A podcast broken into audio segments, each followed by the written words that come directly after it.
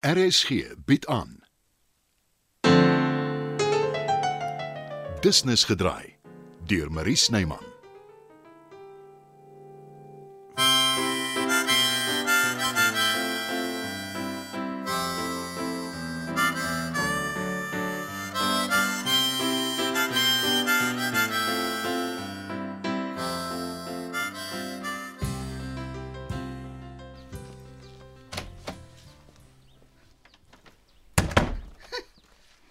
Is jy so met 'n trourok in die kombuis staan? Dis my skoonma se. Wat, maak jy dan daarmee? Sy het aangehou ek moet dit vat. Sy het dit sowaar al die jare gehou. Ag. Mense is sentimentele wesens. mm, jy het seker jou nou ook nog. Ek het en ek pas nog daarin. Ja, jy het jou lyf gehou. Hm, dis 'n mooi rok, nê? Nee. Ah, nie sleg nie. Uh, oh, maar dit ruik die ene mottegif. Mm, ja, is nogal erg. Ek wil dit bietjie buite hang in die son. Ek hoop nie jy dink daaraan om dit te dra nie. Nee, ma, vir wat wil ek so iets doen? Ou klere is mos vreeslik in die mode deesdae. Uh, ek steur my juis so baie aan die mode. Tog. Het ek nou weer iets verkeerd gesê? Soos gewoonlik, ja. Dan loop ek liewer. Ek wou uh, eintlik oor iets met jou gepraat het, maar Moenie so lig geraak wees nie. Sit. Ek maak vir ons koffie. Uh, dan vertel jy vir my, wat het jy op die hart? uh maak my nou 'n cappuccino.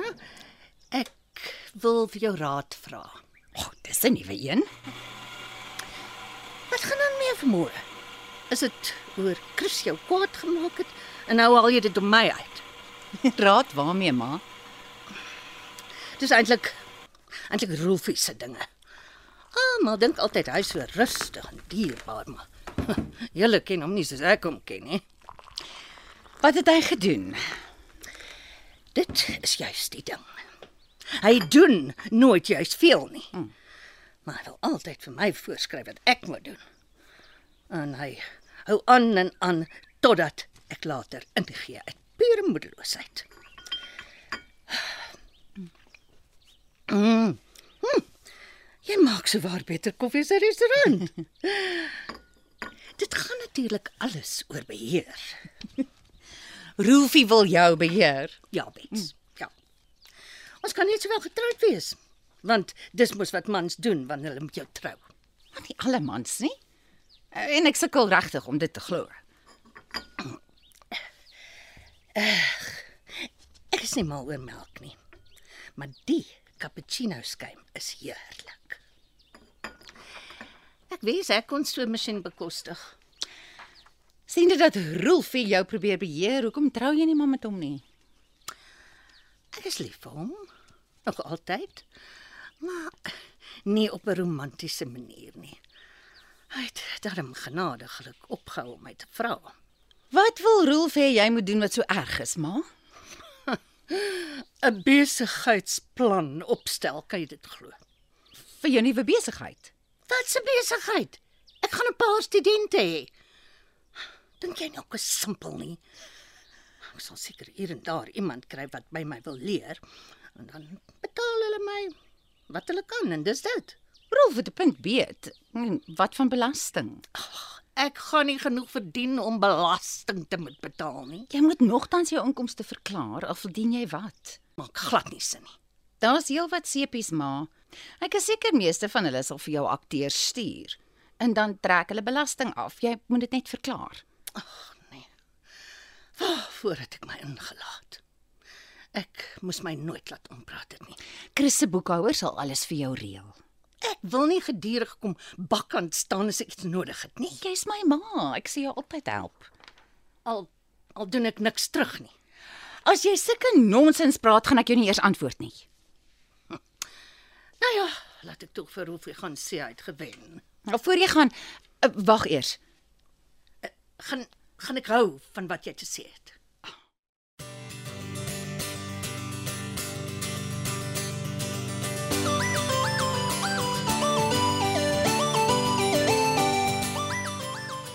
Ek wil hê jy moet elke werknemer se agtergrond ondersoek.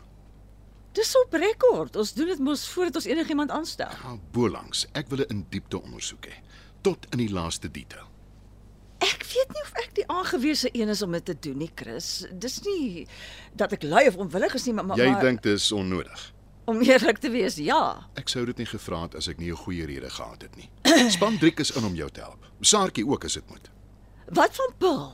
Sy's van nature nuuskierig. En sover ek weet, het sy boonop 'n goeie kennis van sosiale media. Ek verkies dit om nie die familie te betrek nie. Enige spesifieke rede? Ek weet wat jy gaan sê. Ek het haar aangestel al is sy my dogter. Daarom moet sy nie anders behandel word nie. Glad nie. Wat ek wil weet is hoekom ons nou skielik almal se agtergrond met fynkam. Fynkam, dis presies wat ek wil hê. Kry klaringssertifikate by die polisie, kredietburo klaring, alles. Nie een van ons werknemers is 'n misdadiger nie. Eh, eh, eh, En as hulle 'n slegte skuld het of so iets, ek, ek kan nie dink dat dit enigiets met ons te doen het nie. Ek besef dit klink effens paranoïes. Dit gaan oor jou pa, nê. Ja. As hy die personeel by die versorgingseenheid kon omkoop, is enige iets moontlik. Die meeste van ons werknemers is al lank hier. Hy het sopas op die toneel verskyn. Die kans dat hy een van hulle ken of in die sak het, is skraal. Dit besef ek, maar dis nog steeds moontlik. Nee, Chris. Ek is nie bereid om dit te doen nie. Of om junior personeel by so 'n heksejag te betrek nie. Dis 'n opdrag, Elvira. 'n Belaglike een. Ek verstaan is vir jou moeilik dat jou pa na al die jare skielik sy verskyning gemaak het. Ek verstaan ook dat jy agterdogtig is en dat jy hom nie direk kan of wil vra nie, maar wa, wat kan dit hom baat om jou maatskappy te infiltreer? So, jy sê ek is die klitskwyt. Ongelukkig ja. Jou werknemers is lojaal teenoor jou. Hulle verdien nie jou agterdog nie. Nou goed. Wat stel jy voor? Jy het nou die man op sy gemak gestel toe jy hom na jou huis toe genooi het om jou vrou en kinders te ontmoet. As sy hier is om iets uit jou te kry, sal hy dit wel binnekort probeer doen. Ek kan nie net stil sit en wag nie, Elvira. Al die jare moes ek luister hoe my ma verskonings maak vir hom. Ek moes toe kyk hoe sy haarself doodwerk en die ergste van alles is die verval toe sy siek word. Daar is nog steeds 'n moontlikheid dat hy sleg voel en dinge wil regmaak. Beslis nie. Hy het op 'n agterbakse manier probeer terugkom in ons lewens. Dalk is hy net versigtig omdat hy weet hy het julle in die steek gelaat. Hy wil iets hê, Elvira. Ek weet dit. As dit so is, sal dit mos wel uitkom. My voorstel is wees geduldig. En my verstand sê jy's reg, maar dit gaan nie maklik wees nie. Wat jy ook al besluit, moenie oorhaastig wees nie. Dink eers goed daaroor na.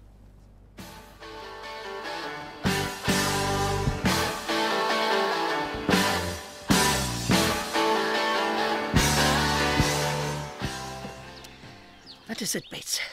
Wat wil jy vir my sê? 'n Uitstappie. Net ek en jy. Wat 'n soort uitstappie? Ek het nie geld om te mors op klere nie. Nie winkels toe nie, ma. Nou wat dan? Ek sien nie kans om te gaan loop iewers in 'n botaniese tuin of 'n bos nie. Jy ken my. Ek is nie 'n natuurmens nie. Ek is op my gelukkigste as daar kunsmatige lig op my skyn. Mm, die kalklig, dis hoekom jy aktrise is. Maar ek beloof, daar sal niks geloop word nie, net bederf en ontspan. Ek en jy gaan na 'n spa toe vir 'n paar dae. En wat word dan hier? Dieter is besig met die bouery. Jou man is skaars uit die hospitaal.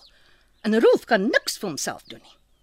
Dieter het nie een van ons twee nodig vir die verbouings nie. My man is piekfyn en natuurlik kan Roel vir homself sorg. So, geen verskonings nie. Ag nee, Bets, dis geldmos. Was jy al ooit by 'n spa? Nee, nie wat ek kan onthou nie.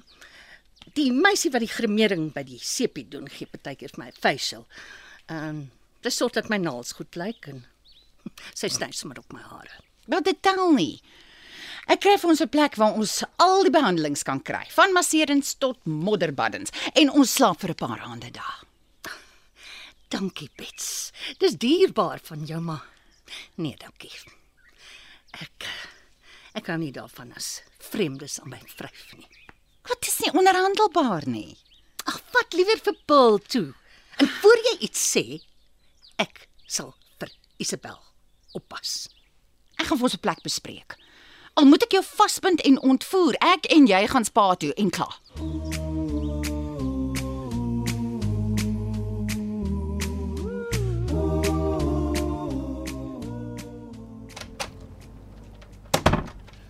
Ek is op pad huis toe. Reg so, Chris. O, o, voor jy gaan Nog 'n preek? nee. Ek het gedink oor wat jy gesê het. Ek gaan nog steeds nie ons personeel ondersoek nie. Maar ek het wel 'n klaringssertifikaat aangevra vir jou pa. Daar is 'n klag van dronk en nalatige bestuur teen hom. Ek hoop hy's in die tronk gegooi daarvoor. Dit was die eerste oortreding. Uh, hy het 'n boete betaal. Dit verklaar hoekom hy nou die aand nie iets wou drink nie. Dis tog seker 'n goeie teken? Wat is dit met jou en dat jy die man so verdedig? Daar's nog iets. Ek het ook navraag gedoen by die kredietburo. Hy is insolvent. 'n Plat sak syplap. Wonderlik. Jou vermoede dat hy wil geld hê is dan waarskynlik reg. Iets het my geplan nou die dag. Hy het my goed laat verstaan. Hy het volmag oor my ma, nie ek nie. Hoekom sou dit wees? Sy het niks nie. Nie waarvan ek weet nie in elk geval. Maar sy het vir my 'n boks gegee met al haar dokumente in. Dalk moet ek 'n slag daarna kyk. Dis 'n goeie vertrekpunt, sou ek sê. Ja. Intussen, doen my 'n guns. Kry hom in die hande. Vra hom hoeveel hy wil hê en solank dit nie buitensporig is nie, doen 'n oorplasing of gee vir hom kontant op die voorwaarde dat hy spore maak. Nee, Chris, jammer. Dis tussen jou en jou pa. Ek gaan beslis nie betrokke raak nie. Dit was nog 'n episode van Business gedraai. Die tegniese versorging word behartig deur Bonnie Thomas en Evert Snyman is verantwoordelik vir die musiek en die byklanke. Business gedraai is geskryf en word in Johannesburg opgevoer deur Marie Snyman.